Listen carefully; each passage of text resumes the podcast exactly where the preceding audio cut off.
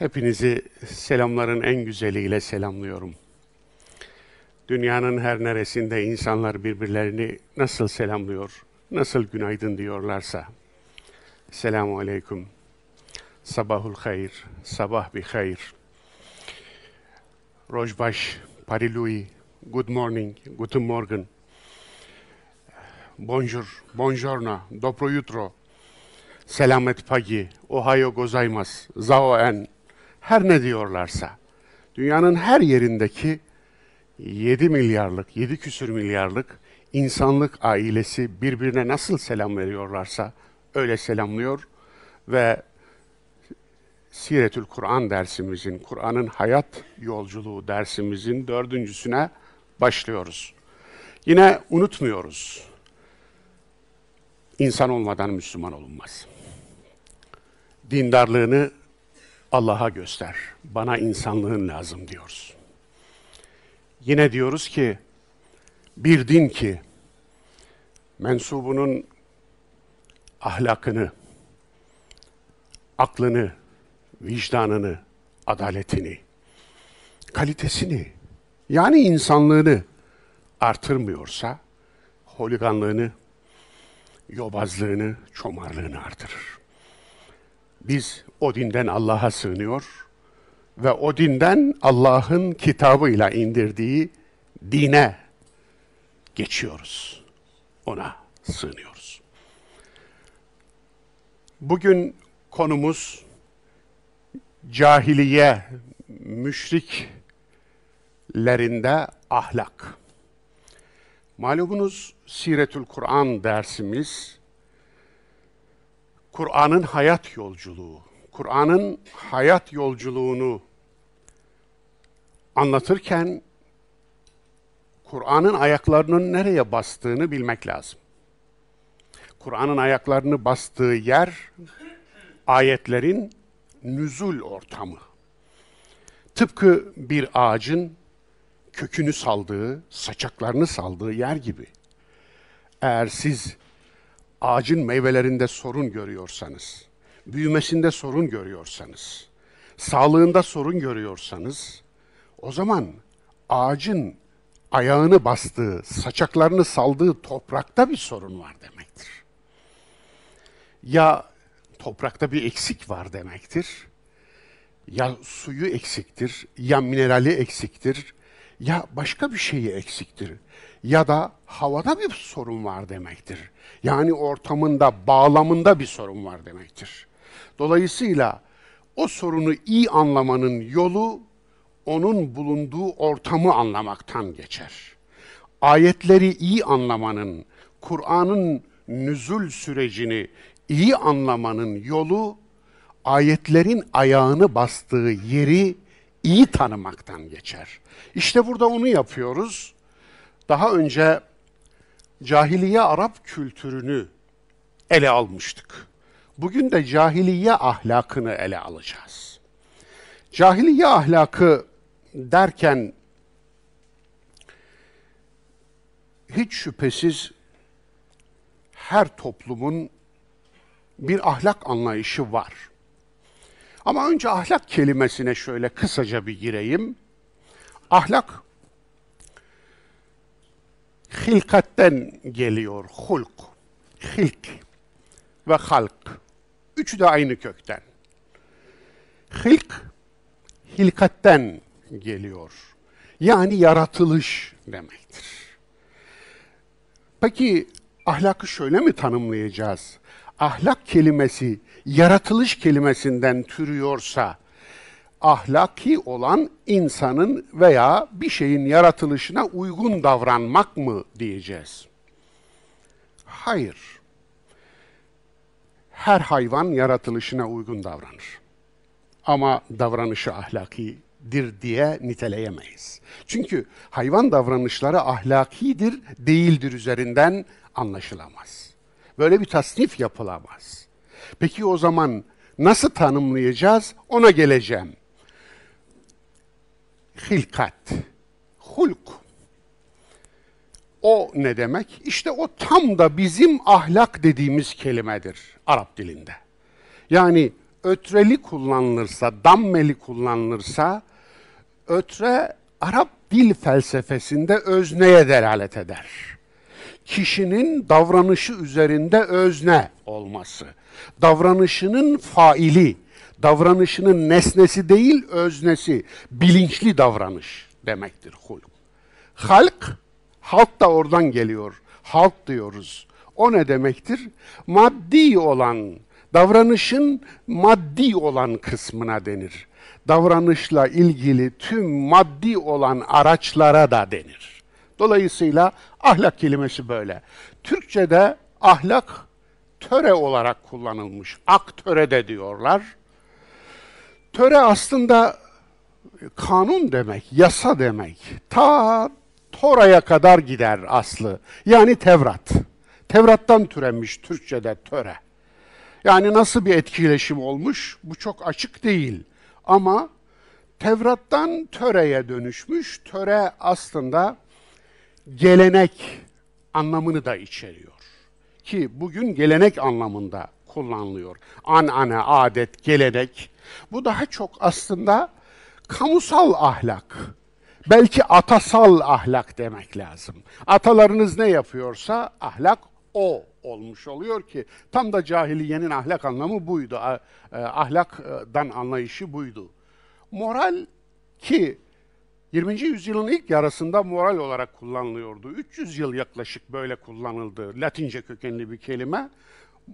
Ondan sonra etik kullanılmaya başlandı. Yunanca kökenli ki Aristo'nun o ünlü eseri Nikomakos'a etik ahlak kitabında da bu böyle geçiyor. Etikle moral arasında sanırım şöyle bir fark var. Moral daha çok bireysel ahlaka, etikse kamusal ahlaka tekabül ediyor. Aslında etiğin kök anlamı, etimolojisi, kökeni Arapçadaki ahlak kelimesiyle çok uyumlu. Ahlak ve özgürlük ilişkisi hiç şüphesiz kopmaz bir ilişki. Neden? Zira özgür olarak tercihlerinize dayalı değilse bir şey, onun sizin ahlakınız olup olmadığı sorgulanır. Zira size zorla yaptırılan bir şey sizin eyleminiz değildir ki. Onun için birini kendi tercihi olmayan bir şey yapmaya zorladığınızda onu, o davranışı ahlaki veya değil diye niteleyemezsiniz. Niye? Onun davranışı yok ki. O davranış onu ona yaptıranın davranışı. O tercih etmedi ki. İradesini kullanmadı ki. Onun için ahlakın araçları bellidir. Akıl, irade, vicdan, bilinç ahlakın araçlarıdır. Ahlakın olmazsa olmazları vardır. Bunların en başında sorumluluk, bilgi gelir. Evet, bir numaraya yine bilgi gelir. Çünkü iyiyi bilmeden iyiyi yapamazsınız ki. Yine orada da bilgi temeldir bakınız. Ahlaki davranış bilgi, iyinin bilgisine dayanır. Yine bu onun arkasından sorumluluk gelir. Sorumluluk ahlakın temel ihtiyaçlarından biri. Sorumluluk olmadan ahlaki davranış olmaz. Üçüncüsü empati. Aslında onu biz hadis diye biliyoruz. İnsanlık tarihiyle yaşıt muhteşem bir kalıp o. Sana yapılmasını istemediğini başkasına yapma. Diyeceksiniz ki buradan nasıl geldik? Acırsan acınacak duruma düşersine. Merhamet etmeyene merhamet olunmaz diyen bir peygamberin ümmeti nasıl oldu da acırsan acınacak hale gelirsine geldi? Galiba ahlak tasniflerinde bir tasnif daha lazım. Çomar ahlakı. Bu da ona giriyor. Çomar ahlakına. Onun için ahlakın en temel vasıflarından biri de empati. Yani karşıdakinin yerine kendinizi koyacaksınız. Kendinizi koyuyorsanız ve koyduktan sonra bana da böyle yapılmasını isterim diyorsanız yapın. yok bana böyle yapılmasını istemem diyorsanız yapmayın. İşte bu ayırıcı vasıf vicdanın vasfıdır. Vicdan ayırır. Vicdan ayırır. Onun için ahlakın temel ilkeleri, umdeleri de yani sermayesi de bunlardır. Bunlar üzerine inşa edilir. Yine ahlak üzerine söyleyeceğim şeylerden biri de şuydu. Yanlış kullanılıyor bazen bakıyorum. İyi kötü ahlak alanında kullanılır. Adalet, zulüm, hukuk alanında kullanılır. Doğru, yanlış, mantık alanında kullanılır. Hak, batıl, din alanında, inanç alanında kullanılır. Güzel, çirkin, estetik alanda, sanat alanında kullanılır. Onun için hangi kavram çiftlerini nerede kullanacağımıza dair doğru bilgi, doğru düşünmemizi de kolaylaştırır, doğru yapmamızı da kolaylaştırır. Evet, irade, akıl, vicdan, bilincin olmadığı bir yerde ahlaktan söz edilemez. Onun için dedim, hayvanların davranışının ahlaki olup olmadığından söz edilemez. İnsan davranışının ahlaki olup olmadığından söz edilir. Zira insan davranışı bilinçli, akıllı, iradeli, yani seçerek davranır. Onun için ahlak aslında eşya ile, insanla, Allah'la, kendinizle girdiğiniz ilişkideki davranışınızın biçimidir. Hep de davranış alanında gerçekleşir ahlak. Onun için yani iyi düşünmeniz yetmez. İyi yapmanız gerekir. İyi düşünüp de kötü yapanlar ahlaklı olmuş olmazlar. Zaten iyi düşünenin iyi yapması lazım. Dolayısıyla bu anlamda Kur'an'da maruf ve münker kelimelerini hatırlayacaksınız. El maruf, el münker. Bu iki kavram dini değil, ahlakidir.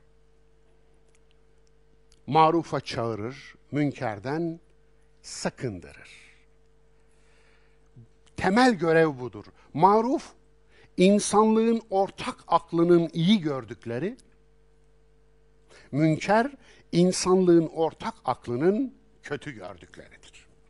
Evet, şimdi ahlak tanımına geleyim ben. Bu tanım benim tanımım. Ahlak, varoluş anlam ve amacıyla uyumlu davranıştır. Biraz önce demiştim ki, ahlak yaratılışa uygun davranıştır diyemeyiz.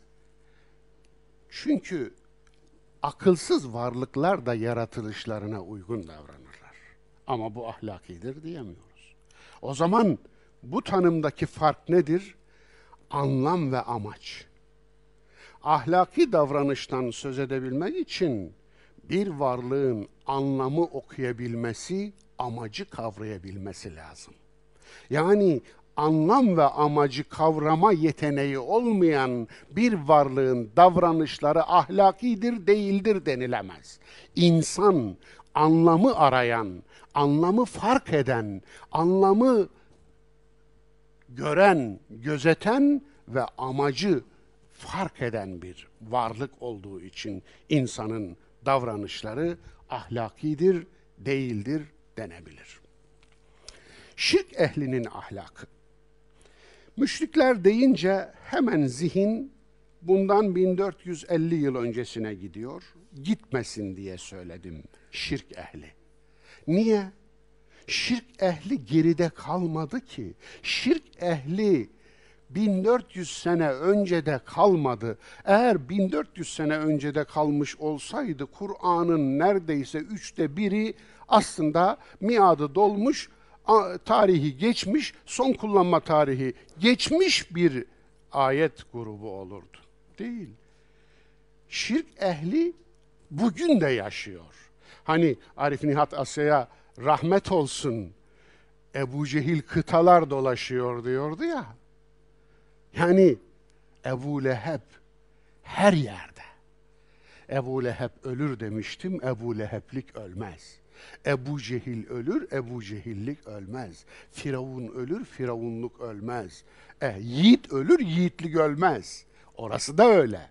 Adam ölür ama adamlık ölmez. Evet, bu anlamda şirk ehlinin ahlakı. Nasıl bir ahlak? Şirk ehlinin ahlakı deyince ne geliyor aklımıza?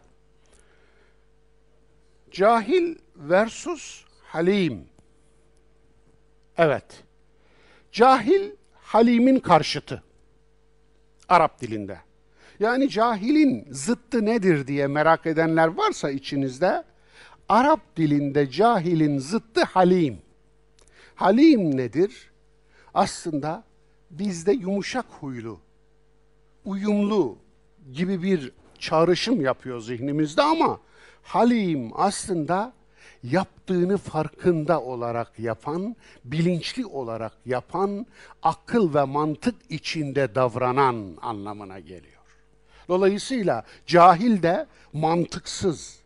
Halim aynı zamanda nazik anlamına geliyor. O zaman cahil kaba.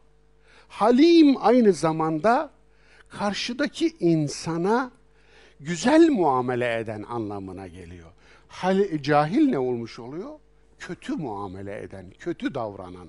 Yani yobaz, kaba, katı, maganda, maço diyorlar ya. İşte o tip cahiliye dediğimiz dönem veya devir aslında maçoluk devri, magandalık devri. Onun için bu ikisi birbirinin zıttı. Hadsiz ve hadli.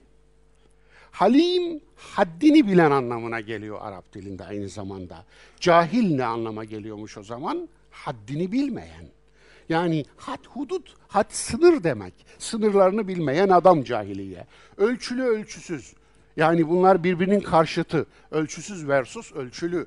Dolayısıyla ölçülü adam halim, ölçüsüz adam da aslında ölçüsüzlük kadersizlik.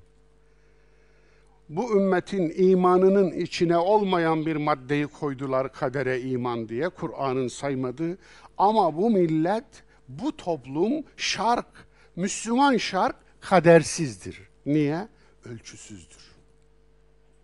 Ölçüsüzdür. Allah her şeyi bir ölçüyle yarattığını ifade buyuruyor değil mi? Ama hiçbir ölçüye riayet etmeyen bir kütle ile, kitle demiyorum bakınız. Kütle ile, ur gibi bir şey karşı karşıyayız. Birinde hanım havluluk istedi. Havluluk aldım, taktım. Hiçbir havlu olmuyor. Ölçüsüz, standart yok. Standart yok. Bu coğrafyalarda standart yok. Onun için de standarda uygun mu diye standart kontrolü yapamıyorsunuz. Niye? Standart yok. Ölçüye inanmıyor. Allah'ın yasaları olduğuna inanmıyor. Davranışında standart yok, düşüncesinde standart yok. Bunu tüccar ediyorsun, tüccarlığında standart yok. Kabalacı, götürücü, ölçmüyor, tartmıyor.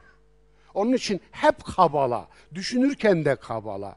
Bu adamı gidiyorsun bilim adamı ediyorsun orada da standart yok. Çalıyor, çırpıyor, bir doktora tezi yapıyor, yaz, yazıyor, oradan bir şeylere yürüyor. Bu adamı siyasetçi yapıyorsun orada da standart yok. Hiçbir standardı yok. Tüm tanımları kendisi yapıyor. Uluslararası kabul görmüş tanımların hiçbirine riayet ettiği falan yok. Yani ne yaparsanız yapın ölçüsüz. Dolayısıyla ölçülü, ölçüsüz. İşte cahil ve halim arasındaki fark. Dindar ve ahlaksız. Bir düşünür Rusya'yı gezmiş. Demişler ki Rusya'yı nasıl buldun? Çok dindar ve çok ahlaksız buldum demiş. O düşünürü buraya getirip buraları gezdirmeyin. Kabile ve babalar diniyle kayıtlı ahlak. Evet, cahiliye ahlakının en tipik vasfı, niteliği kabile ile kayıtlıdır. Cahiliyede iyi şeyler yok muydu? Vardı. Hani böyle şimdi çıktı böyle cahiliyenin de hakkını yemeyelim canımcılar var piyasada. Bakınız İrt diye bir cahiliye ahlak kurumu var. Aslında kurum dediğim aklınıza öyle bir kurum gelmesin. Böyle bir uygulama, böyle bir adet, anane. Bu irt ahlakında mürüvvet en temel vasıflardan biri. Mürüvvet bizde de kullanılıyor insanlık anlamında. İyi insanlık anlamında. Ama şecaat mesela cahiliye ahlakında çok önemliydi. Cesaret. Cesaretli olmak. Cesaretsiz adamı adamdan saymazlardı. Sekavet, cömertlik cahiliye ahlakında çok temel bir yer tutardı. Siz cahiliye ehlinin kahve ikram etmesini bir görseniz, orada birine bir misafire kahve ikram etmek demek özel bir özel bir iştir, özel bir emektir. Yani çiğ kahveyi önce ateş yakacaksın. Çadırın ehlinin ateş yakması, çölde ateş yakması ne demek? Öyle ocak orada, gaz orada değil yani öyle bir şey yok. Onun için ateşi yakacak, ateş köz olacak. Ondan sonra kahveyi kavuracak. O kahveyi dibekte dövecek. Dibekte dövecek. O dibekte dövüldükten sonra ateşin közünde o kahveyi pişirecek ve sana getirecek. Şimdi bu kahvenin 40 yıl hatırı olur diyeceksiniz. Yani şimdi kahve makinesine kahveyi koyun, ondan sonra misafire getirin, 40 yıl hatır bekleyin. Yok canım 40 dakikalık hatırı vardır belki ama 40 yıl sürmez. Dolayısıyla sekavet, cömertlik öyleydi cahiliye ahlakında. Hürriyet, özgürlüklerine düşman adam, e, düşkün adamlardı. Çok düşkün adamlardı. Ama bunların hepsi de kayıtlı ahlaktı kayıtlı ahlak ahlak değildir. Ahlak ikiye ayrılır. Kayıtsız ahlak, kayıtlı ahlak. Neden? Şurada şuna ahlaki davranış olarak yaptığını bir başka yerde ötekine ahlaki davranış olarak yapmaz. İşte buna kayıtlı ahlak diyoruz. Bir davranışın ahlaki olması için onun nerede, kime karşı ne zaman yapıldığının hiçbir önemi kalmamalı. O sırf iyi olduğu için yapılmalı. Sırf iyi olduğu için. Yani karşıdaki değişince eğer davranışınız da değişiyorsa o davranış ahlaki davranış değildir. Daha önceki yaptığınıza ahlaki demiyoruz. Hatta hatta ahlaksız diyoruz. Doğru davranış yaptınız ama ahlaksız. Niye? O bizden diye ahlaki davrandınız. Onu tanıyorum ama bunu tanımıyorum. Tanıdığıma ahlaki davranayım, dürüst olayım, tanımadığıma dürüst olmayayım. Alın size bir ahlaksızlık çeşidi. Tanıdığıma adil olayım, tanımadığıma, yakınıma adil olayım, yakın olmayanıma, yakınım olmayana adil olmak gibi bir sorumluluğum yok. Alın size ahlaksızlık. Dolayısıyla kayıtlı ahlak ahlak değildir. İşte bu anlamda cahiliye toplumunda ahlaki davranış biçimleri vardı. Fakat hepsi de kabile ile kayıtlıydı. Kabile ve atalar dini. Dolayısıyla kabilecilik çerçevesinde geçiyordu o. Bizim kabileden değilse ona karşı dürüst olmak zorunda değilim. Bizim kabileden değilse ona bir şey vermek, bir şey ikram etmek zorunda değilim. Bizim kabileden değilse onun hayatına saygı duymak zorunda değilim. Bizim kabileden değilse onun özgürlüğüne saygı duymaktan zorunda değilim.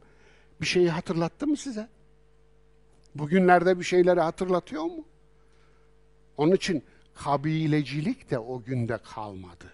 Evet istisnalar kaideyi bozmaz. Tabii ki her toplumda iyiler her zaman var ama iyiler istisna ise eğer işte onlar istisna olmaya mahkum oluyorlar. Onun için iyiler pasif iyi olmaz. Aktif iyi olurlarsa istisna olmaktan çıkarlar, iyiler kural haline gelirler. Bizim çabamız, tüm çabamız iyilerin istisna olmaktan çıkıp kural olması, kötülerin istisna olmasıdır. Bir ahlaksızlık türü olarak şirk, cahiliye şirk ehlinin ahlakını şu anda ele alıyoruz. ve cahiliye şirk ehlinin ahlakının en temelinde şirki görüyoruz. Siz şirk deyince bunu bir inanç biçimi olarak görüyorsunuz. Aklınıza ilk gelen şey bir inanç biçimi. Nasıl bir inanç biçimi? Yani Allah'a ait niteliklerin Allah dışında birilerine verilmesi. Yani şirk, lütfen şirki, şirki ateizmle, ilhatla karıştırmayın. Şirk içinde Allah olan inançtır. Allah'a inanmayan şirk koşamaz. Her müşrik zorunlu olarak Allah'a inanmak zorundadır. İçinde Allah inancı bulunmayan inkara şirk denmez. Ve Allah'ın affetmediği tek günah şirktir. Allah'ın affetmediği tek günah şirktir. Neden? Çünkü şirk akideyi vurmadan önce ahlakı vurar. Evet, şirk bir ahlaksızlık türüdür. Onun için bu ayeti hiç unutmayın. Bu ayeti lütfen zihninize yazın. İnnemel müşrikûne necesun. Hiç kuşku yok ki şirk ehli pisliktir. Soru şu. Kur'an hakaret mi etti? Soru çok ciddiyim bu soruda. Kur'an haka Kur'an'ın Allah'ın kitabı olduğuna iman eden Müslümanlara şöyle sorarım ben. Allah hakaret mi etti? Soru bu. Nisa suresinin 140. ayetini açın. Allah'ın ayetlerinin inkar edildiği ya da onlarla alay hakaret edilen bir yerde sohbetin konusu değişinceye kadar orayı terk edin. Vurun, kesin kellesini, çıkarın oyun gözünü, öldürün atın çukura değil. Sadece orayı sohbetin konusu değişinceye kadar terk edin. Böyle bir kitap, böyle bir merhamet. Neden böyle bir cümle kullanır? Müşrikler pisliktir. Şirk ehli pisliktir. Ben günümüzde bu ayeti öyle derin yaşadım ki ta iliklerime kadar müşrikler pisliktir diyorum her gün. Her gün diyorum bunu. İyi ki, iyi ki varsın Allah'ım diyorum. İyi ki varsın. Ben görüyorum. Bunu kaç kere gördüm. Müşriklerin nasıl pislik olduğunu. Yaşamayan bilmez. Eğer sizin de hayatınızda şirk ehli size bana yaptıklarının kırkta birini zekatını yaparlarsa siz de bu ayetten dolayı şükür secdesine kapanırsınız. Çünkü söz bitiyor. Küf, küfür bilen insanlar değiliz. Yani parayla küfürcü tutulsa tutacağız. Efendim ya devam et. Al paranı diyeceğiz de o da yok. Peki ne yapacağız? Olanı biteni izah edemiyorsunuz. Kelime bitiyor. Bu nasıl bir şey diyorsunuz? Bir insan bunu nasıl yapar diyorsunuz değil mi? Tam işte bu. Şirk ehli pisliktir. Tek cümle. Başka bir izahı yok. Öyle cuk oturuyor ki teşekkür ederim Allah'ım diyorsunuz. Teşekkür ederim. Neden? Kur'an hakaret mi ediyor? Kur'an hakaret etmez. Kur'an fotoğraf çekiyor. Kur'an vasfediyor, niteliyor. Kur'an bir durumu dile getiriyor. Hem de çıplaklığıyla, bütün açıklığıyla, bütün netliğiyle, hiç hıkmık etmeden, hiç evil yavul etmeden, hiç çenesini ağzını döndürüp durmadan net bir biçimde söylüyor. Şirk ehli pisliktir. Neden? Cevap Yunus 100 ve yec'alur risalellezine la yaqilun. Zira aklı iptal eder. Şirk aklı iptal eder. İkincisi kula kul, meyyit, mürit, sürü olur. Ahzab 67'ye bakın. Evet. Sadatena ve küberaena görürsünüz. Kur'an'da bir tek yerde sadat geçer, o da orada geçer, o da aklı iptal eden, kişiyi, insanı sürüleştiren tipleri için kullanılır. Çok ilginç. Çok ilginç. Nereden, nasıl aradınız da buldunuz da şeyhinize ad olarak koydunuz. Kur'an'ın yerin altına soktuğu, lanetlediği bir zümreyi nasıl getirdiniz de başınızın üstüne tac ettiniz? Bu da ayrı bir problem. Evet, üçüncüsü, ya kula kul olur, ya kulu kul edinir. Zuhruf suresi 54. ayette buyurulduğu gibi. Kula kul olmak ve kulu kul edinmek. Yani özetle ya Firavun olur ya Firavun arar. Tüm kötülüklerin temeli buradan gelir. Ne kadar ahlaksızlık varsa temelinde kula kul olmak. Zaten kula kul olmak yasaksa paraya kul olmak, makama kul olmak, mevkiye kul olmak, şöhrete kul olmak zaten yasaktır. Kadına veya erkeğe kul olmak, çocuğa kul olmak veya sayın gitsin. Onun için kula kul olmakla başlıyor tüm zulümler. Kulu kul edinmekle başlıyor tüm zulümler. Tüm ahlaksızlıklar kulluğu bölmekle başlıyor. Onun için Allah'ın imanımızdan çıkarı yok. Allah kendisini bir tek olarak bilmek, bilmemizi istiyor. La ilahe illallah budur. La ilahe illallah ahlaksız olmayın demektir. Niye? Kula kul olmaya ya da kulu kul etmeye başladığınızda tüm ahlaksızlıklar sökün eder. Kulu kul edinmek için yapmadığı kalmaz insanoğlunun. Veya kula kul olduğunda da yapmadığı kalmaz. Niye? Artık insanı tanrılaştırmış, kendisi de onun kulu olmuştur. Allah'ı över gibi onu över. Aklını ona teslim eder. Aklını kiraya verir. Aklını kiraya verdikten sonra o aklı alanın o aklı nasıl kullanacağı malumdur zaten. O onun zombisi olur. Ve orada insan kalmaz. Artık insan yoktur. Başka bir şeye dönmüştür. Mankurta dönmüştür. Cengiz Aytmatov'un romanında geçen o mankurta dönmüştür. Dolayısıyla işte şirkin pislik olması, şirk ehlinin pislik olması tam da budur. Bundan dolayıdır.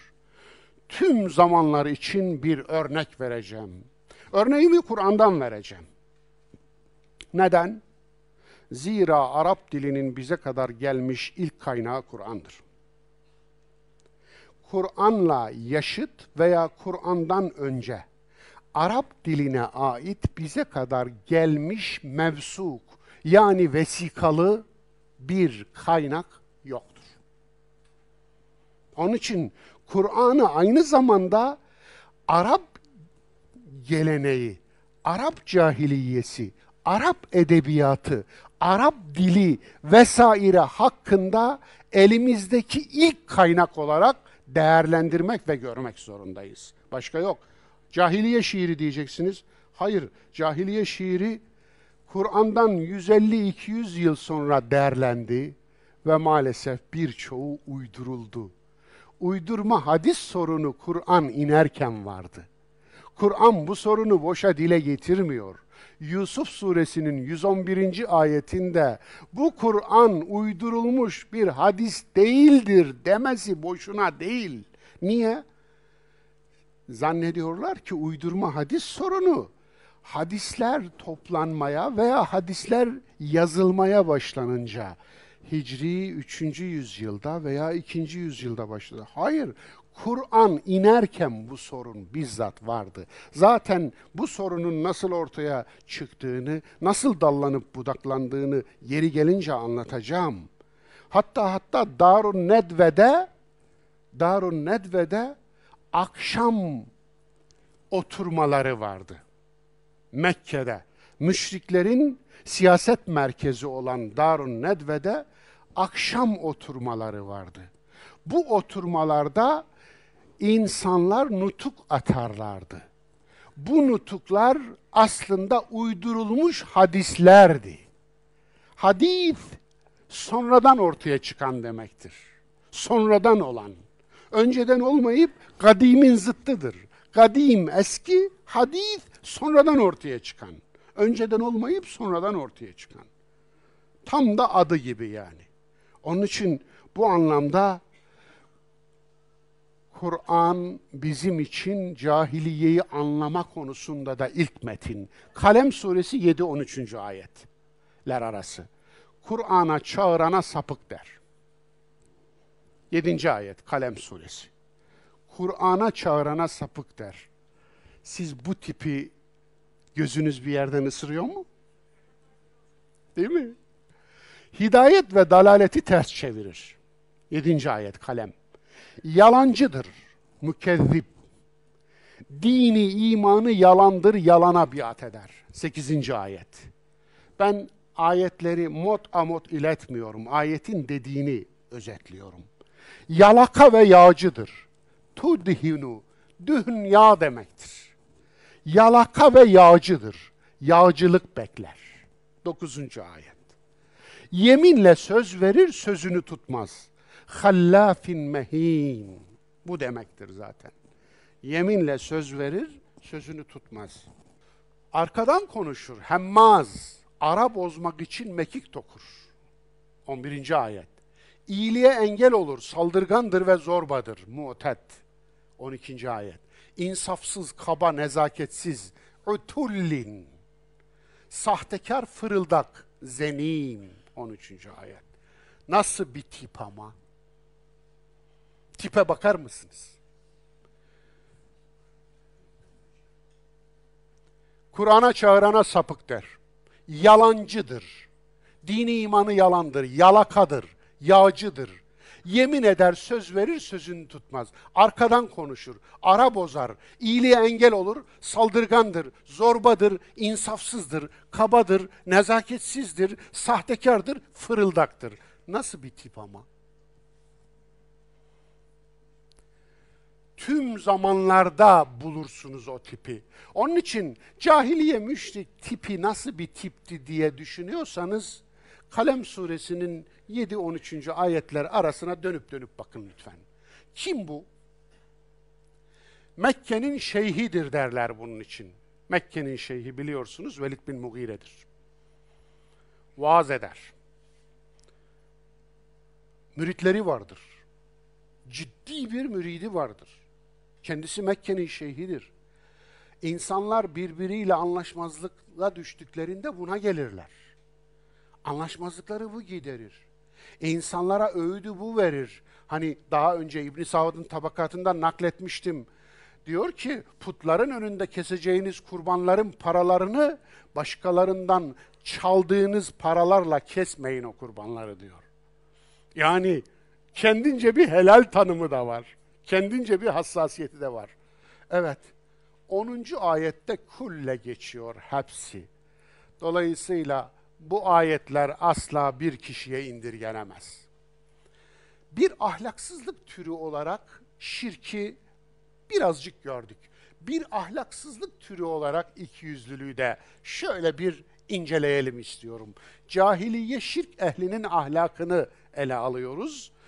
Dersimiz Siretül Kur'an, Kur'an'ın hayat yolculuğu, cahiliye dönemindeki ahlakı ele alıyoruz ve münafıklığı da, nifakı da, ikiyüzlülüğü de ahlakın bir, ahlaksızlığın bir boyutu olarak görüyoruz. Münafık, menfaat gereği ataların dini yerine toplumun dinine uyan. Bakınız, Müşrik ataların dinine uyuyor, münafık ise toplumun dinine. Neden Medine'de çıktı anlaşılıyor mu? Medine'de Medine'nin müşrikleri münafık oluyordu. Neden? Toplumun uydum kalabalığa. Büyük karaltıya uyuyor. Uydum kalabalığa. Çünkü menfaatinin kuludur münafık. Aynı Ebu Leheb gibi. Ebu Leheb eğer Medine'ye gidebilseydi münafık olurdu. Mekke'de kaldığı için müşrik oldu. Medine'ye gidebilse veya Medineli olsa münafık olurdu. Abdullah bin Ubey bin Selül'ün yerinde olsaydı münafıkların başı olurdu. Abdullah bin Ubey bin Selül de Medineli değil de Evs ve Hazreç'ten değil de Mekkeli olsaydı Ebu Leheb gibi olurdu. Ebu Leheb'in böyle bir tip olduğunu biz biliyoruz. Bedre kendisi gitmiyor, lejyoner yolluyor, paralı asker, parasını veriyor. Yani kendisi reddettiği, karşı çıktığı bir inançla savaşacak kadar cesur değil. Savaşacak kadar dürüst de değil. Onun için böyle bir tip işte. Ataların dini yerine toplumun dinine uyan bir tip. Kerhanecidir. Hepinizden özür diliyorum. Ama daha ne diyeyim yani umumhanecidir falan. Neden? Kimdir bu? Medine'de genelev işleten Abdullah bin Ubey bin Selul. Altı tane kadın çalıştırıyordu. İsimlerini bile biliyoruz biz bu çalıştırdığı kadınlar. Evet, isimlerini bile biliyoruz. Yani Mekke'deki 30'a yakın genelev çadırını anmadım. Belki burada Mekke müşriklerinin cinsel ahlakını ele almam gerekiyordu ama ben gerekmediğini düşündüm. Çünkü biz bizim bugün sorunumuz çok daha derin. Onun için ben sebeplere, ta ilk sebeplere gitmek istiyorum. Abdullah bin Ubey bin Selül Medine'deki münafıkların reisi. Kim bu adam? Bu adam Allah Resulü'nün eşine iftira atan adam. Hazreti Ayşe'ye iftira atan adam. Kim bu adam? Bu adam Uhud'da savaşmak için gelip de 300 kişiyi peşine takıp götüren, döndüren adam. Uhud bozgununun sebeplerinden biri. Uhud yenilgisinin sebeplerinden biri. Bu adam kim aynı zamanda biliyor musunuz? Allah Resulü'nün öldüğünde hırkasıyla kefenlenmeyi vasiyet eden adam. Biraz sindirin. Hırkacılar bunlar işte. Tamam mı? Adam yemediği halt yok. Medine'nin genel evini işleten bir adam. Her vakit namazda Allah Resulü'nün arkasında. Allah Resulü hutbeye çıkıyor, konuşmaya çıkıyor. Konuşmaya çıkınca mutlaka her seferinde şey şu, hareket şu. İnsanlar Muhammed doğru söylüyor, onun sözlerine uyun. Durumdan vazife çıkarıyor. Anlatabiliyor muyum? Yani onun sözlerine uyun diyen bir amir var orada. Dolayısıyla aslında onun sözlerine uyun demekle uyduruyorsa eğer emri kendisi vermiş oluyor. Ondan yüksek makamda biri var. O da Abdullah bin Ubey bin Selül. Anlatabiliyor muyum?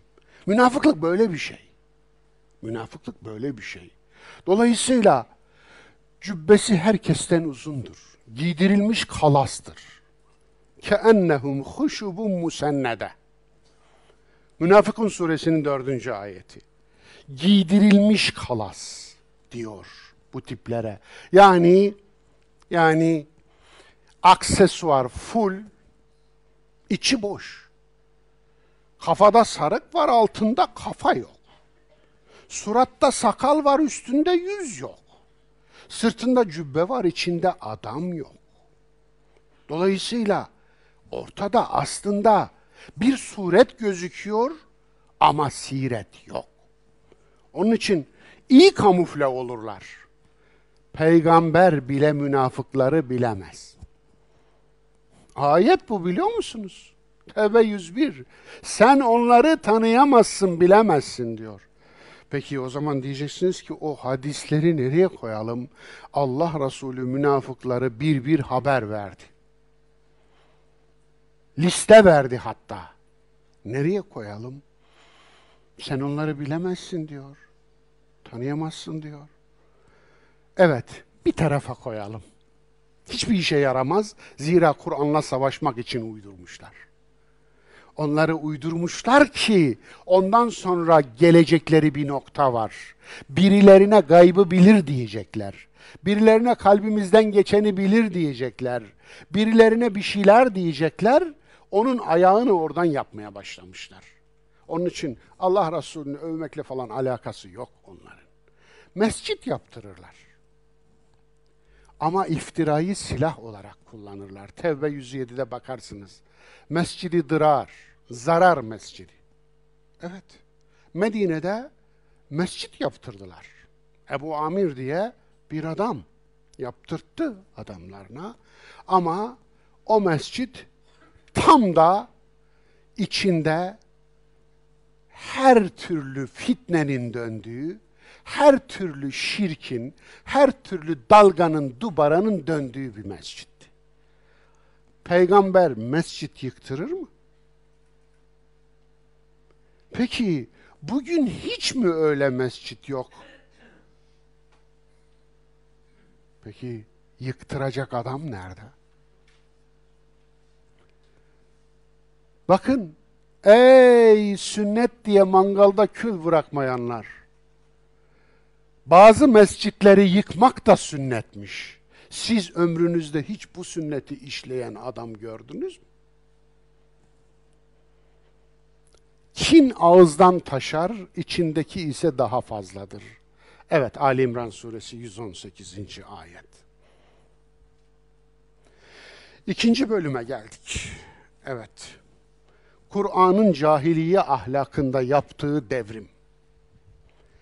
Birinci bölüm, cahiliye şirk ehlinin ahlakıydı. Siretül Kur'an, Kur'an'ın hayat yolculuğu. İkinci bölüm, cahiliye ahlakında yaptığı devrim.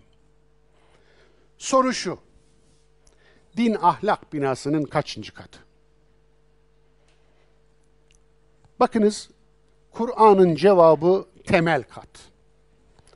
Uydurulmuş dinin cevabı akide ve ibadetten sonra.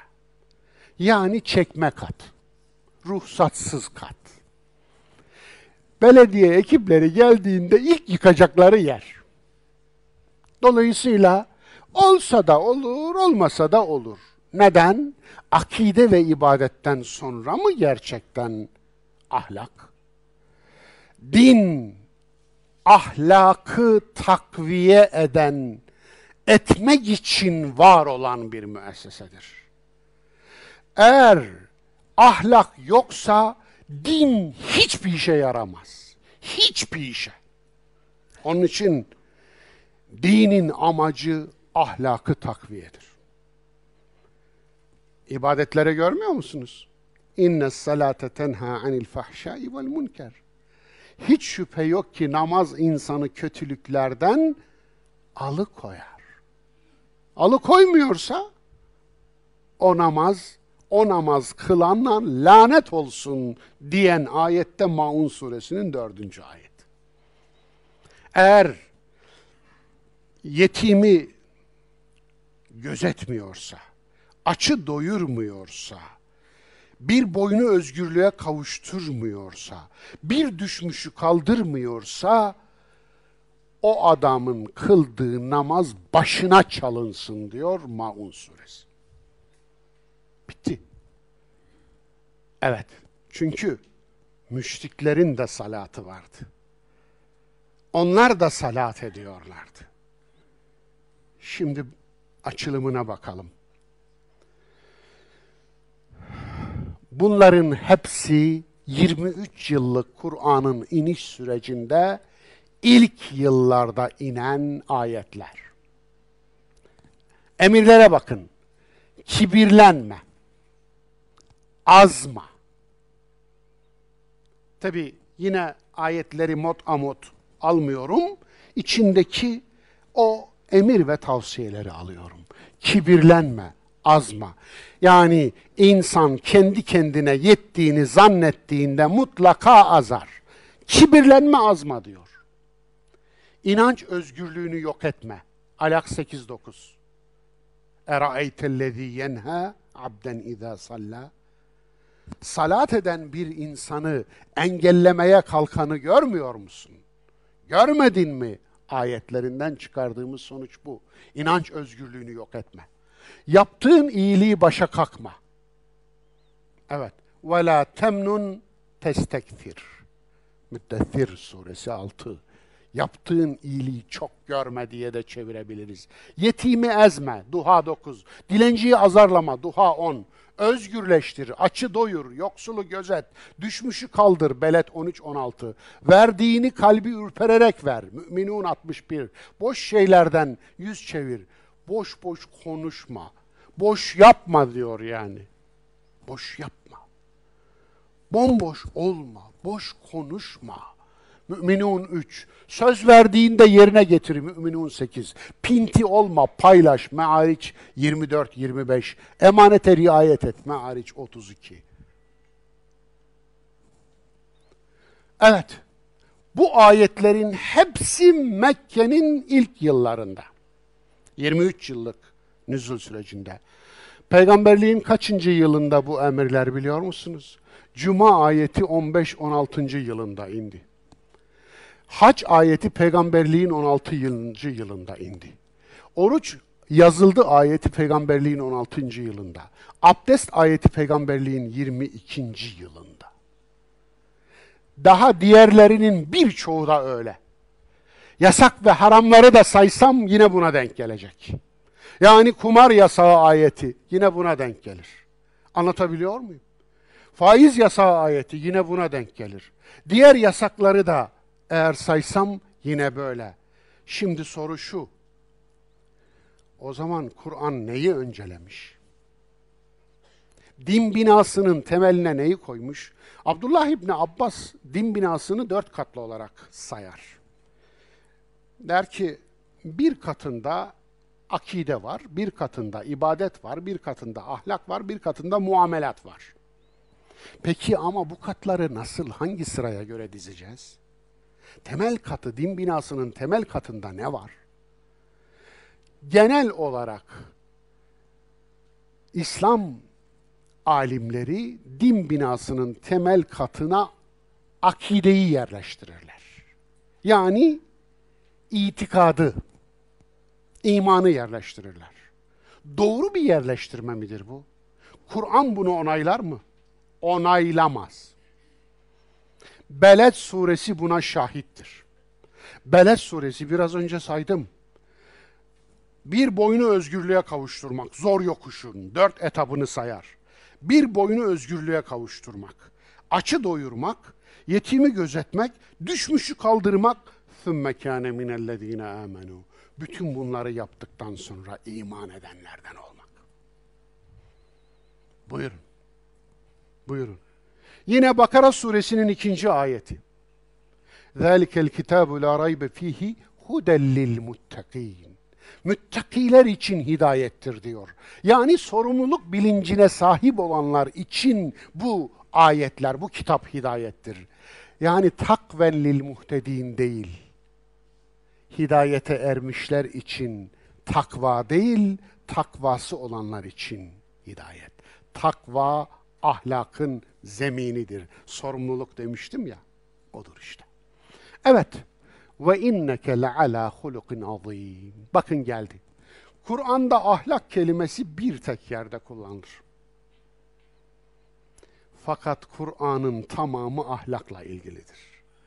Eğer bir kitabın bir kelimeyi ne kadar sık kullandığından yola çıkarak ona verdiği değeri zikredecek, anlayacaksak bu çok büyük bir yanlış anlama olur. O zaman ahlak kitabı yazan yeryüzünün en ahlaklı adamıdır diye demiş olurduk. Öyle değil mi? Değil işte. Veya dilinden ahlak kelimesini düşürmeyen, en çok ahlak diyen en ahlaklı adamdır demiş olurduk. Değil mi? Değil işte. Öyle değil onu biliyorsunuz. Kur'an'ın her ayeti ahlakla ilgilidir. Neresinden giderseniz gidin. Ama içinde ahlak geçen tek ayeti de budur. Ve inneke le ala hulukin azim. Hiç şüphe yok ki sen muazzam, muhteşem bir ahlaka sahipsin. Kime diyor bunu? Allah Resulüne, sevgili Resulümüze. Ama inne var, inne. İnne edatı isminin nasb haberini ref eden efendim e, ismi e, edatlardan efendim. İnne edatının e, bir anlamı da birçok anlamı var. Ta'lil içindir. İlletlendirme, gerekçe. Gerekçe edatıdır. Peki burada çünkü anlamını onun için veririz. Çünkü. Peki bu çünkü ne? Neden seni peygamber atadım biliyor musun? Neden ya Rabbi? Çünkü muhteşem bir ahlaka sahipsin. Bunu yaratılış olarak çevirenler var, doğru değil. Çünkü huluk kelimesi eğer dammeli olarak gelmişse bahusus ahlaka delalet eder. Ahlak anlamına gelir. Kalem 4. Hilk, hilkat, hulk, halk üzerine durmuştum. Kalem suresi ahlaklı ve ahlaksız olanları tanımlar. Biraz önce kalemden Kalem suresinin 7 ve 13. ayetleri arasını işledik. Bir tipi işledik değil mi? Çok ilginç. Bu ayetin o surede yer alması tesadüf mü sizce? Çok ilginç. Bakınız biraz önce ahlaksız tip nasıl bir tiptir? Dedikodu yapar, yalan söyler, ara tutuşturur, laf getirir götürür, boş konuşur, kaba, saygısız, maganda, maço hepsini saydı orada değil mi? Çok ilginç. Onları saydığı ayetlerden üç ayet önce yer alır. Aynı surede. Ve inne. O zaman aslında ahlaklı olana bir model gösteriyor. Allah Resulü'nü. Ahlaksızlığı da orada niteliyor sayıyor. Ahlaksızlığa bir isim göstermiyor. Niye? Ahlaksızlık her çağda aynı nitelikleri taşır da onun için. Her çağda o niteliği kim taşıyorsa ona bakacaksınız. Odur işte. Bu ayetler kimden söz ediyor demeye gerek var mı? Vahyin amacı akla yardımcı olmak. Dinin amacı insana yardımcı olmak ibadetin amacı ahlaka yardımcı olmaktır. Evet, ibadetin amacı, vahyin amacı akla yardımcı olmak. Maşallah, arkadaşlarım pratik zekasına bayılıyorum. Not almayı geliştirmişler. Fotoğraf çekiyorlar. Bu da güzel. Eyvallah. Sakıncası yok. Evet, akla yardımcı olmak. Vahyin amacı akla yardımcı olmaktır. Nasıl geldik sevgili dostlar? Aklı vahiy ile eşit tutan bir Kur'an'a inanan Müslümanlar nasıl oldu da aklı ayak altına alıp tepeleye ve çiğneyen bir türe dönüştüler? Nasıl oldu? Nerede Allah'ın Mustafa kulu Kur'an vahyi akılla yan yana eşit görmüş. Mülk suresi 10. ayette. Evet. Cehennemlik olanlar diyecekler ki Nesma'u ev na'qilu ma kunna fi ashabis sair. Eğer biz ayetleri işitmiş olsaydık, vahyi işitmiş olsaydık, yani dinlemiş olsaydık, sözünü dinlemedik. Ama dinlemiş olsaydık ya da ev ya da or anlamına İngilizce'deki ya da akletmiş olsaydık, aklımızı kullanmış olsaydık ma kunna fi eshabi sayir şimdi cehennemlik olmazdık.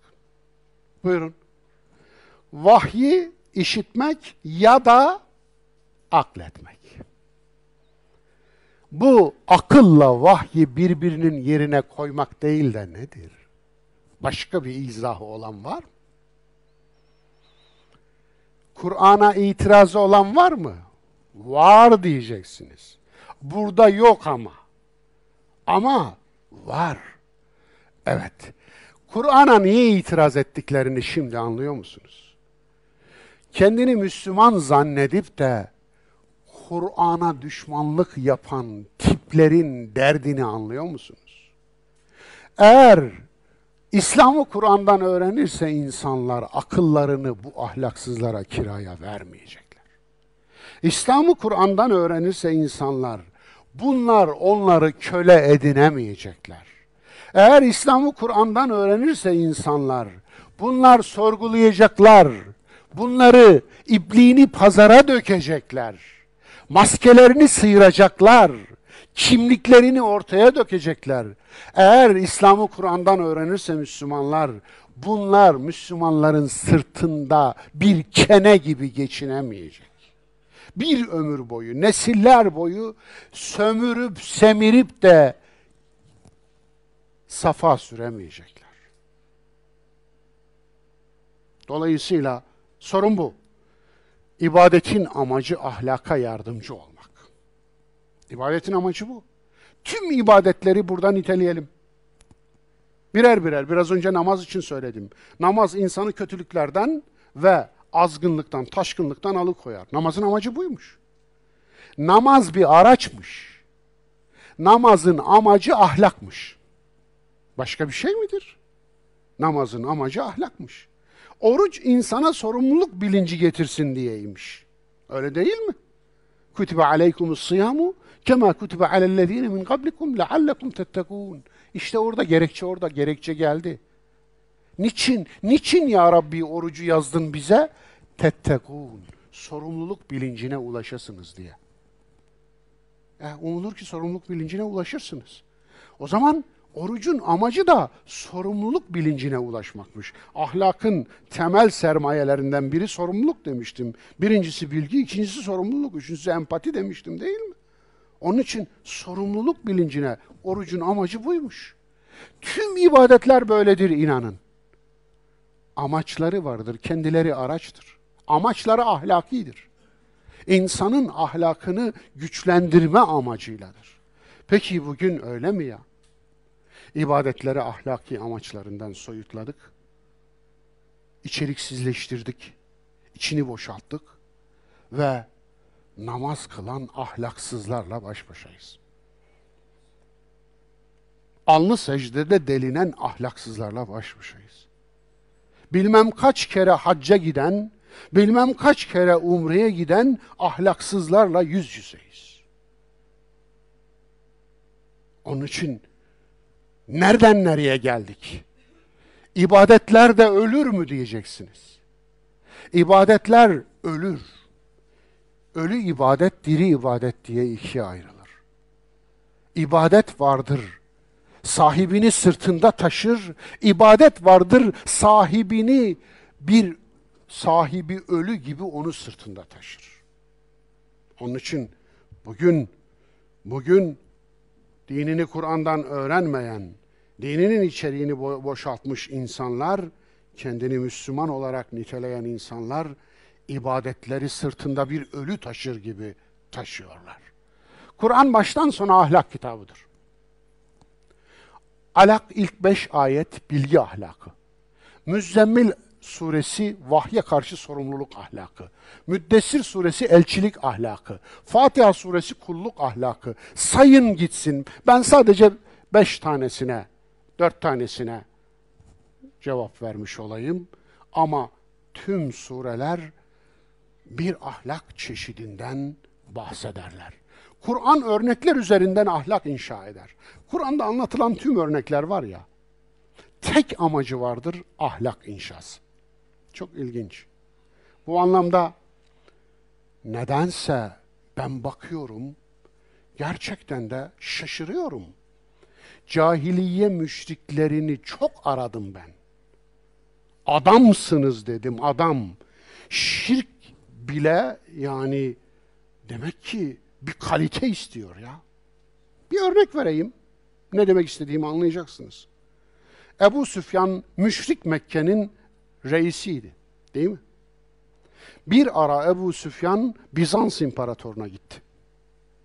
Bizans imparatoruyla arasında geçen diyalog bugün kaynaklarda bize nakledilir.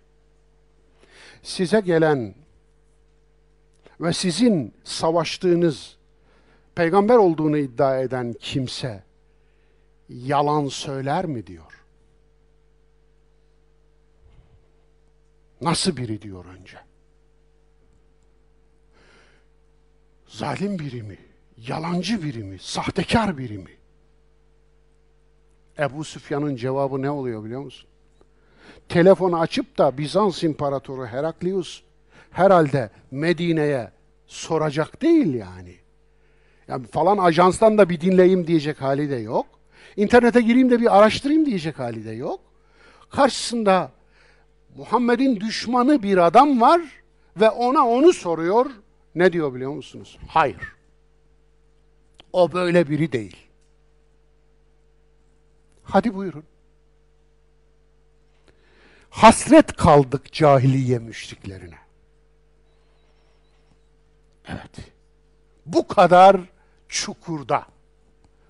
Onun için Adem üzerinden Kur'an öz eleştiri ve tevbe ahlakını, Nuh üzerinden sürüye karşı direniş ahlakını, İbrahim üzerinden sorgulama ahlakını, İsmail üzerinden fedakarlık ve sorumluluk ahlakını, Yusuf Nebi üzerinden cinsel ahlakı, Asiye üzerinden otoriteye direniş ahlakını öğretir. Kur'an hep ahlak öğretir. Musa üzerinden arınma ve direniş ahlakını, Davut ve Süleyman üzerinden güç ve iktidar ahlakını, güç ve iktidarın da bir ahlakı var. Onu Davut ve Süleyman aleyhisselam üzerinden öğretir. Eyüp Nebi üzerinden sabır ahlakını, Hanne üzerinden özgürlük ahlakını. Burada bir es vereyim. Biri, bir akademisyen şöyle piyasa maşallah ağzı olan konuşuyor. Kur'an'da özgürlük geçmez dedi. Kur'an'da özgürlük geçmez mi gerçekten? Siz Kur'an'ı okudunuz mu hiç? Bu da Kur'an'ı çok okuduğunu düşündüğümüz biri. İnni nezertu leke ma fi batni muharraran. Hani geçmezdi. Hanne demişti ki, Ya Rabbi, daha doğmamış olan rahmimdeki yavrumu özgürce, el ne der demeden, toplumdan özgür olarak, aileden özgür olarak, çevreden özgür olarak, insanın dört zindanından özgür olarak sana adadım. Fetekabbel minni. Benden kabul buyur Allah'ım demişti ya. Özgür olarak, özgürce, muharraran.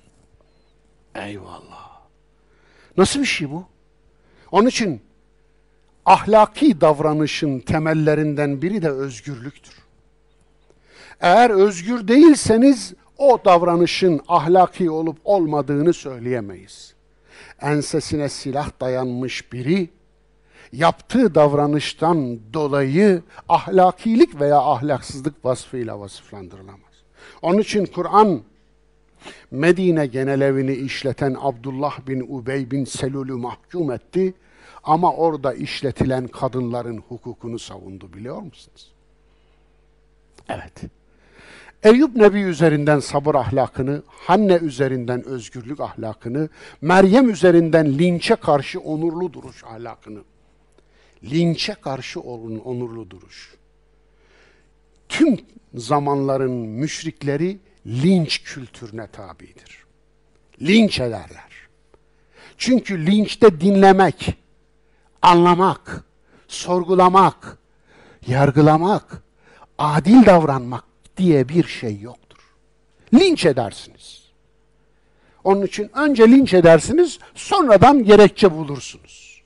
Onun için linç ahlakına karşı Meryem onurlu duruşun sembolüdür. İsa Nebi üzerinden din tüccarlarıyla mücadele ahlakını. Ne yapmıştı Kudüs'e girerken İsa? Önce Kudüs'e giriş yolundaki o bankerlerin kasalarını devirmişti değil mi? Bankerler vardı Kudüs'ün giriş yolunda. Onlar her türlü özellikle denarius ve drahomayı yani dinar ve dirhemi, Bizans dinar ve dirhemini şekele çevirirlerdi. Yahudi kutsal parası, kutsal para olur mu? Sonra şekel kelimesi İbranice değil ki, Sümer'in parasıydı. Zaten Yahudilik diye bildiğimiz inanç da dörtte üçü Sümer kültürü, Sümer mitolojisi. Onun için bu anlamda Hz. İsa masaları devire devire gidiyordu. Allah burayı kendisinden başkasına tapmayasınız diye emretti. Fakat siz burayı haydut inine çevirdiniz. Aynen ibare İncil'de, şey, İncil'de geçer. Haydut inine çevirdiniz. Badanalı kabirlere benziyorsunuz. İçiniz ölü fakat dışınız çok güzel görünüyorsunuz. Harika. Öyle diyordu. Devire devire gidiyordu. Niye çeviriyorlardı diyeceksiniz. İçerideki sistem öyle kurulmuştu. İçerideki sistem öyle kurulmuştu. Yani okunmuş Yasin satıyordu içeridekiler. Her şeyi okuyup satıyorlardı. Okunmuş Tanrı, okunmuş din, okunmuş peygamber, okunmuş Tevrat, okunmuş, okunmuş, okunmuş. Şimdi de Müslümanların halal ve haram tasavvuru aynı yere geldi. Bakınız, okunmuş helal su. Bir de helal karpuz yapın da görelim. Bir o kaldı zaten. Ahlaksızlığa bakar mısınız? Sertifika adı altında nasıl bir Yahudi fıkhını alıp Müslümanlara monte ettiler. Oradan da tıkır tıkır para kesiyorlar. Buna itiraz eder de Allah'ın Mustafa kulu ona çullanmazlar mı bu tezgahı kuranlar? Çullanmazlar mı? Saldırmazlar mı? Ama artık orayı geçtik. O eşiği açtığım için sizin saldırılarınızı dikkate almıyorum. Bitti. Hakikati dikkate alıyorum. Tek dikkate aldığım şey bu. Hakkı söylemem gerektiğinde ne olur diye düşünmüyorum. Bitmiştir o iş. Evet, Muhammed Nebi üzerinden hakikate elçilik yapma ahlakını ele alır Kur'an. Baştan sona ahlak kitabıdır. Üçüncüsü, cahiliye şirk ehlinin ahlakı bahsinde üçüncü bölümümüz uydurulmuş dinin Kur'an'a karşı yaptığı karşı devrim. Ne yaptı? Hemen Emevi karşı devrimi. Muaviye halkın malı yerine Allah'ın malı. Bu çok ilginç dostlar. Bu örneği unutmamak lazım.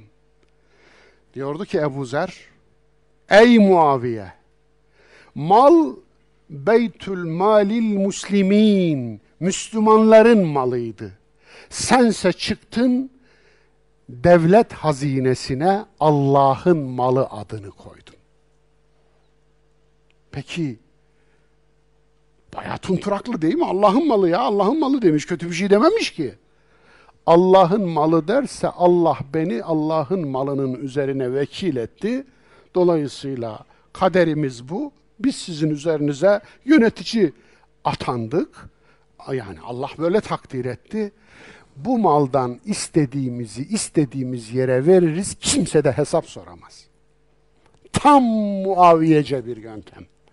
Muaviye bizi başınıza Allah getirdi demişti. İmamlar ve sultanlarda ayrıntıları ve kaynakları var. Yezid biz Allah'ın kaderiyiz demişti.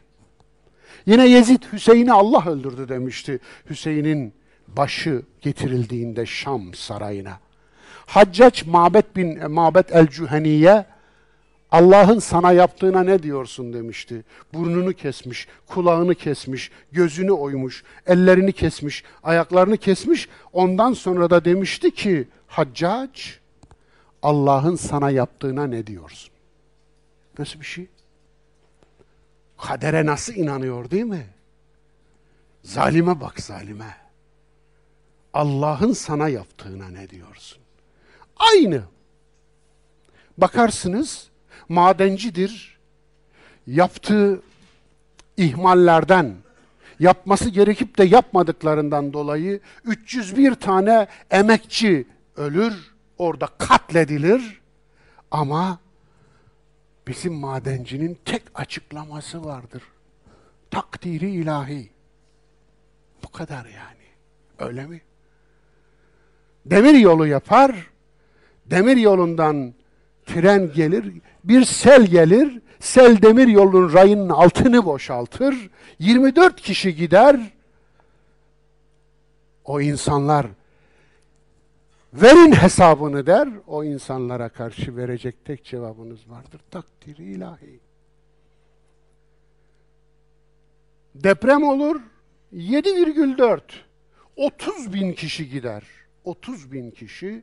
Zira ne müteahhit binanın hakkını vermiştir, ne belediye belediyeciliğin hakkını vermiştir, ne devlet ve ilgili bakanlık işinin hakkını vermiştir. Ondan 2-3 puan daha yüksek deprem Tobe'de olur. Kobe'de affedersiniz. Japonya'da Kobe'de 6 kişi ölür, sende 30 bin kişi ölür. Senin açıklaman takdiri ilahi.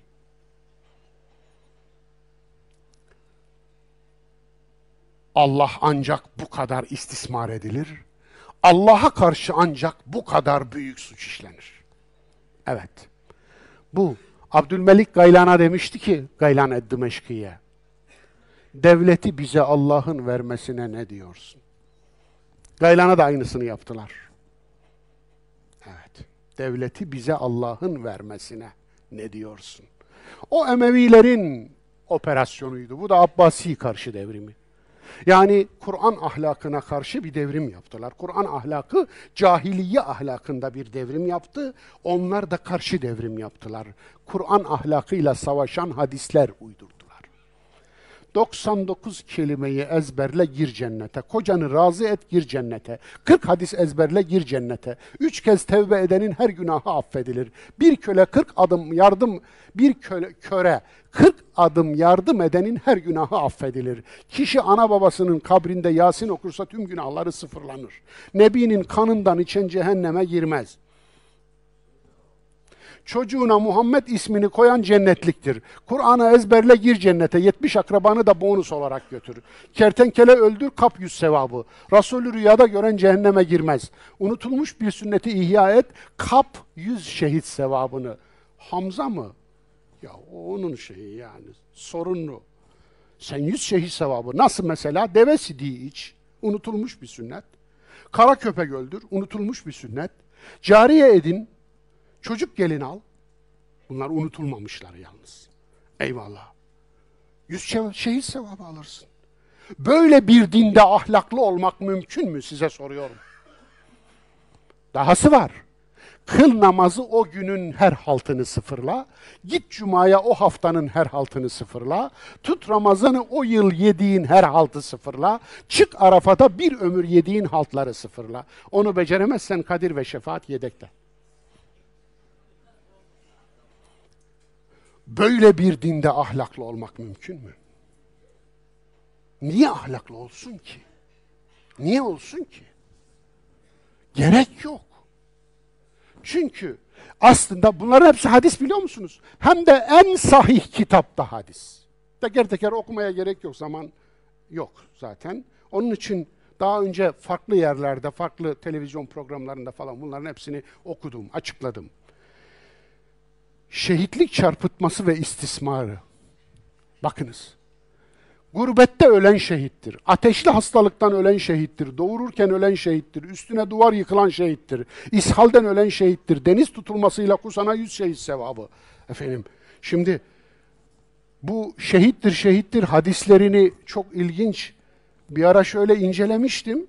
Ya bizim başımız kel mi diyen arkasına bir şey ilave etmiş. Ya bizim başımız kel mi? Bizimkinin üstüne duvar yıkıldı. Onu anmamışsınız. Üstüne duvar yıkılan da şehittir. Oysa şehitlikle ölüm arasında hiçbir irtibat yoktur Kur'an'ın dinine göre. Kur'an'da Allah yolunda öldürülenler diye bir sınıf ayrıca anılır. Onlara hiç şehit denmez. Çünkü şehit Allah'ın ismidir. On kere Allah'ın ismi olarak geçer. Allah hangi savaşta öldü? Haşa. Nasıl bir zihniyetiniz var? فَاَنَّا تُؤْفَكُونَ Nasıl da savruluyorsunuz? Nasıl da savruluyorsunuz? Evet, yukarıdaki hadislere inananlar bu ayetleri inkar eder. Her kim zerre miktarı hayır işlerse onu görür. Her kim zerre miktarı şer işlerse onu görür. فَمَنْ يَعْمَلْ مِثْقَالَ ذَرَّةٍ خَيْرًا يَرَى وَمَنْ يَعْمَلْ مِثْقَالَ ذَرَّةٍ شَرًّا يَرَى bu ayetlere inanıyor musun, inanmıyor musun? Nasıl uydurdunuz? Yani özetle şu, ayetleri üzerinde hadis yazan taşlarla taşladılar. İkincisi, her insan yapıp ettiklerinin rehinesidir. Evet. Kullu nefsin bima kesebet rehine. Müddessir suresi 38. ayet. Yapıp ettiklerinin. Herkesin iyilikleri kendi lehine, kötülükleri kendi aleyhinedir. Leha ma kesebet ve aleyha ma ktesebet. Bakara suresi 286. Bunlar sadece ala sebilil misal. Yani örnek kabilinden üç tane aldım. 30 tane, 300 tane de çıkarabilirdim böyle ayet sizin karşınıza. Yani deminkilere eğer hadis olarak inanıyorsanız birçok ayeti, onlarca ayeti inkar etmeden inanamazsınız. Halimiz Müslüman şarkı ahlak terk etmiştir. Sofilerimizi almadan cennete gitmeyiz. Neuzu billah. Değerlendirmeyi gereksiz görüyorum. Müritlerini kibrit kutusunda cennete girme vaat edeni düşünün. Cübbeye doldurup cennete taşıma vaat edeni düşünün. Aslında var ya, bu tip her davranış o memleketteki ahlakın üstüne atom bombası atmaktan farksızdır. Tamam mı? Ahlaka atom bombasıdır bunların hepsi. Orada ahlak yok olmaya mahkumdur. Çünkü kurtulmuştur o. Onun ahlaka ihtiyacı yok. Söz verince tutmaya ihtiyacı yok. Onun bunun malına sarkmamaya ihtiyacı yok. Onun bunun ırzına sarkmamaya ihtiyacı yok. Ona buna haksızlık yapmamaya ihtiyacı yok. O kurtuldu. Cennet tapusu onun cebindedir. Siz onu neyle korkutabilirsiniz? O neyle sakınsın, niye sakınsın, niye yapmasın? Niye ahlaksızlık yapmasın söyler misiniz? Niye çalmasın, niye yalan söylemesin, niye iftira etmesin? George Washington Üniversitesi hocası Hüseyin Askeri Bey'in yardımcısıyla birlikte yaptığı İslamilik Endeksi çalışmasına daha önce değinmiştim. Hatırlıyorsunuz değil mi? Müslüman ülkeler Müslüman mı? İslam ülkeleri ne kadar İslami? Yani bu endeks internette var. Çalışmanın tamamını okuyabilirsiniz. İngilizce bilenler İngilizce aslından okuyabilirler. Yoksa çevirisi de var. Çevirisinden okuyabilirler. Onu öyle geçiyorum. Daha önce bunun üzerinde çok durdum. Sosyal Güvenlik Kurumu'ndan, eski Sosyal Sigortalar Kurumu değil mi? Sosyal Güvenlik Kurumu'ndan maaşı kesilmesin diye ülkede 216 bin yaşayan ölü olduğunu biliyor muydunuz?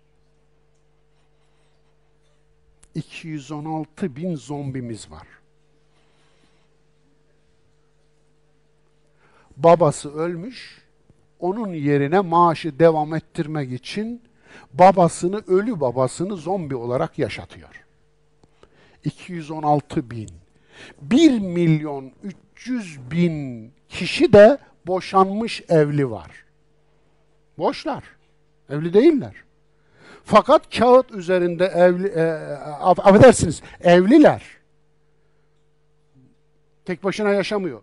Ama ölen babasından kalan maaşı almak için evli değil gibi, tek başına yaşıyor gibi veya boşanmış gibi bir muamele yaptırıyor.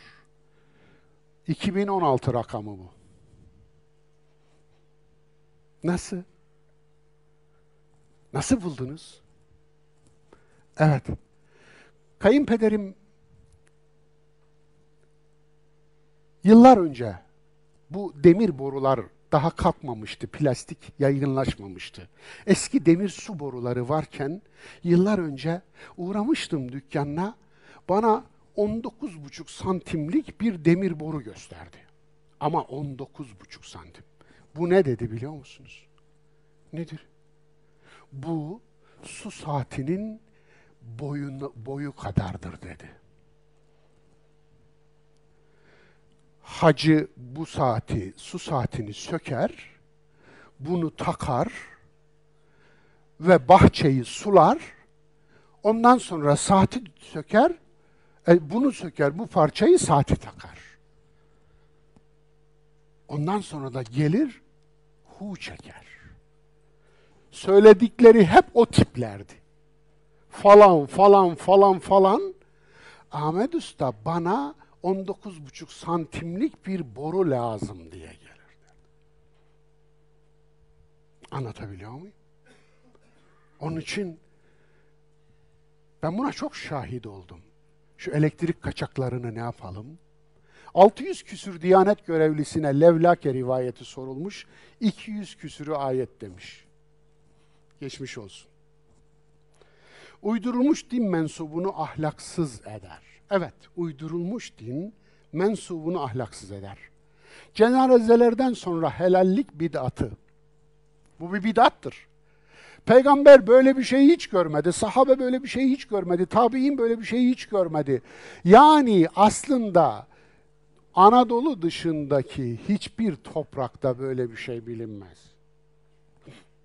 Ey 8 yaşında öldürülmüş bir masum için helallik isteyip ben ne yapıyorum yahu demek aklına bilen gelmeyen imam. Sana selam. Adap taşı ile ahlak kuşunu vurmak için tırnak kesmenin adabını paylaşıp hemen arkasından iftira ve yalan bombardımanını troll yazılan haysiyet celladı. Sana da selam. Ey Yunus'un dövene elsiz gerek, sövene dilsiz gerek mısralarını paylaştıktan hemen sonra Allah rızası için uydurduğu yalanlarla tarikatına müşteri devşiren mürit.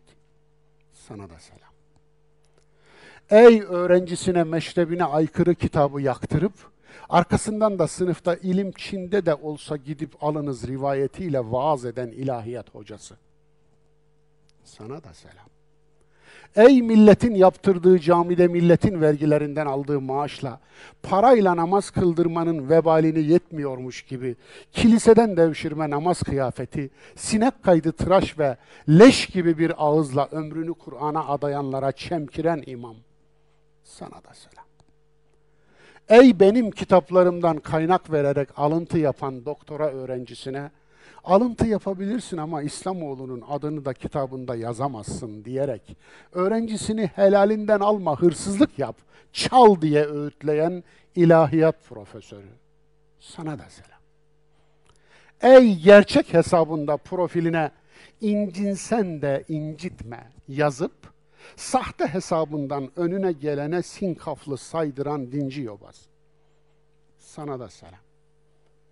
Biliyor musunuz Türkiye'de 9 milyon Twitter abonesi var ama 30 milyon Twitter hesabı var. Gerisi kurumsal hesapları düşün, geriye kalanı sahte hesaplar. Bir insan ne yapar bunlarla?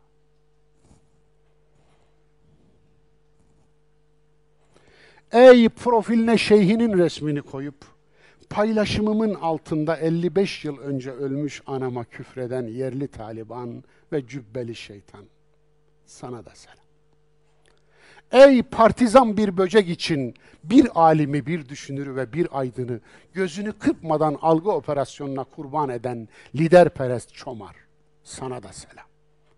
Ey ağzına içkinin damlasını koymadığıyla övünen, fakat uydurulmuş dinini bonzai olarak kullandığı için beyni, aklı, ifade, iradesi iflas edip bir zombiye dönüşmüş olan dinci. Sana da selam. Ey günde beş vakit namaz, on vakit iftira, Allah rızası için elli vakit yalan söyleyen, Allah'ın sosyal medya yoluyla işlenen günahlardan hesap sormayacağını zanneden arkadaş, sana da selam.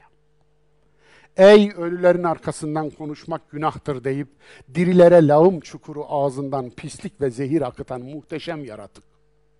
Sana da selam. Ahlaksız dindarla arkadaşlık etmektense ahlaklı ateistle arkadaşlık etmeyi bin kez tercih ederim. Evet, sen bana sakız orucu bozar mı, hayızlı oruç tutar mı ile gelme hacı. Sen bana şu sorularla gel. Kaçak suyla alınan abdest, kılınan namaz namaz olur mu? Allah sahte isimle sosyal medyada paylaşılan yalan, hakaret, iftiraları da görür mü? Torpille işe giren insana maaşı helal olur mu? Parayla namaz kıldıran kıldırma konusunda bu ülkede Ebu Hanife'nin fetvasına, iştihadına uyan kaç Hanefi imam var? Kara para aklamak için, insanlara riyakarlık için yaptırılan camide namaz kılınır mı? Yolsuzluk ile edinilen servet helal olur mu? O servete besmele çekilir mi? Kirli parayla hacca giden de Arafat'ta anadan doğmuş gibi olur mu? Arsanın emsalini artırma karşılığı müteahhide yaptırılan okulda okumak helal midir? Sen bana bu sorularla gel hacı. Evet, geldik sonuna. Tavsiye görselimiz bu. Dinleyin. PK.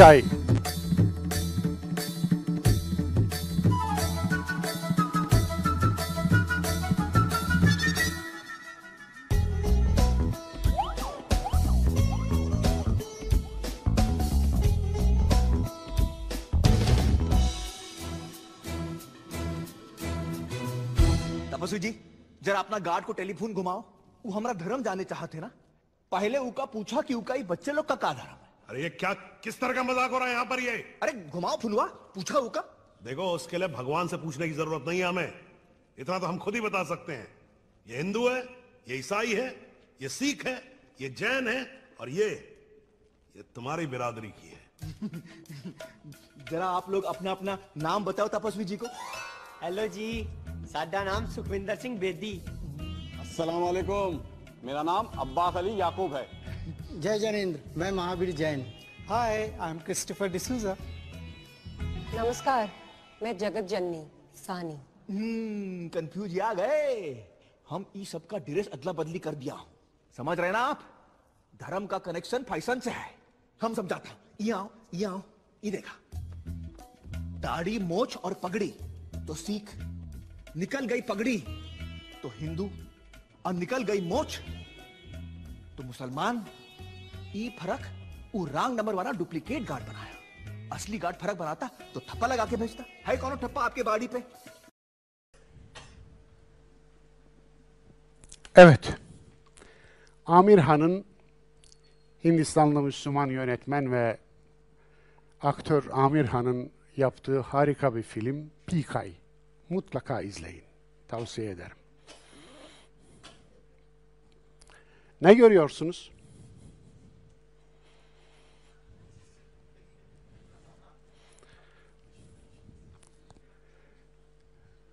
Gördüğünüzü yorumlayabilir misiniz? Mesela bu zatın hangi dinden olduğunu düşünüyorsunuz?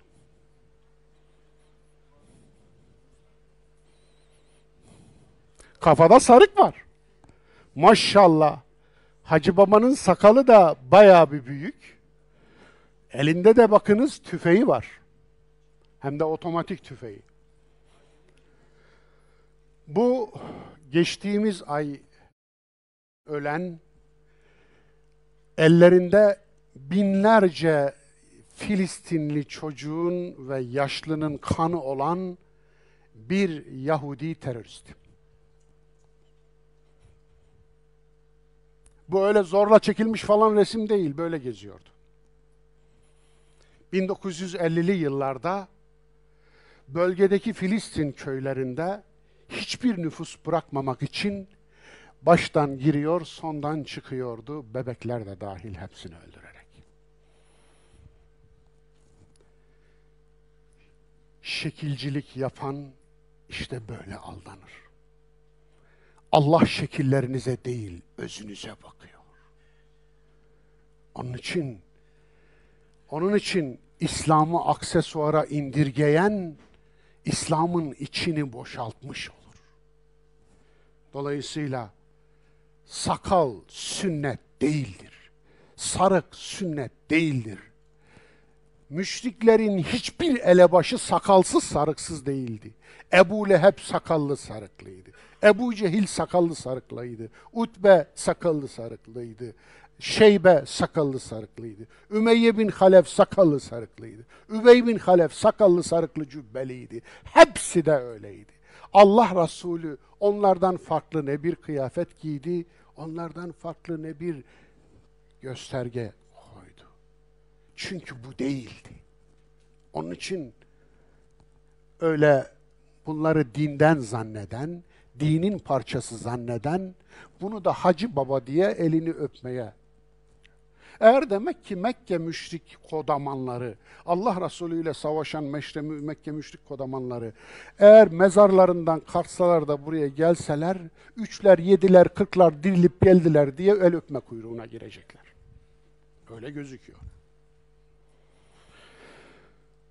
Muhammed Ali Raşvan duydunuz mu hiç? Evet, şu aşağıdaki yenilen Muhammed Ali Raşvan. Şey affedersiniz. Evet bu tabii. Yenilen. Bu da Japon bir judocu. 1984 yılı olimpiyatlarında judo finalleri bu. Bu final maçı. Bu vatandaş, bu arkadaşımız Japon e, judocu altın madalyayı aldı. Bu da gümüş madalya kaldı. Fakat aslında altın madalya bunundu. Antrenörü dedi ki, onun dizine çalış. Fakat Muhammed Ali Raşvan, rakibinin hiç dizine dokunmadı maç boyunca. Çünkü onun tendonlarının yara aldığını ve koptuğunu biliyordu. Gazeteciler sordular maçtan sonra, niçin dizine çalışmadınız? Eğer çalışsaydınız şu anda altın sizindi. Dizine vursaydım eğer ömür boyu sakat kalırdı dedi. Onun için vurmadım. İkinci lig madalyasını aldı. Ondan sonra Japonlar milli kahraman ilan ettiler. Ülkelerine davet ettiler ve oradan Japon bir gelinle, hanımefendiyle evlendi. Şu anda İskenderiye'de mutlu ve mesut ve kalbi, vicdanı efendim dolu dolu yaşıyor. Benim kahramanlarım da bu ders Muhammed Ali Raşvan'ındı. Evet, ibret.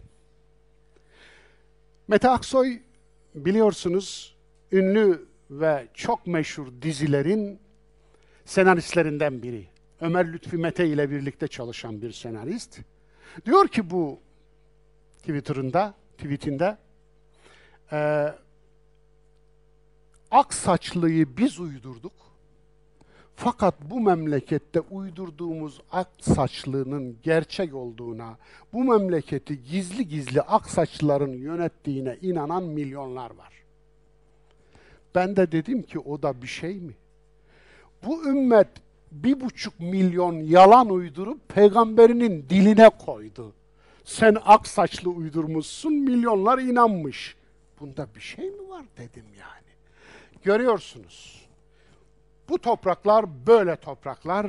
Onun için lütfen konuştuğunuz şeylere, inandığınız şeylere, düşündüğünüz şeylere bir kez daha eleştirel bir akılla yaklaşın.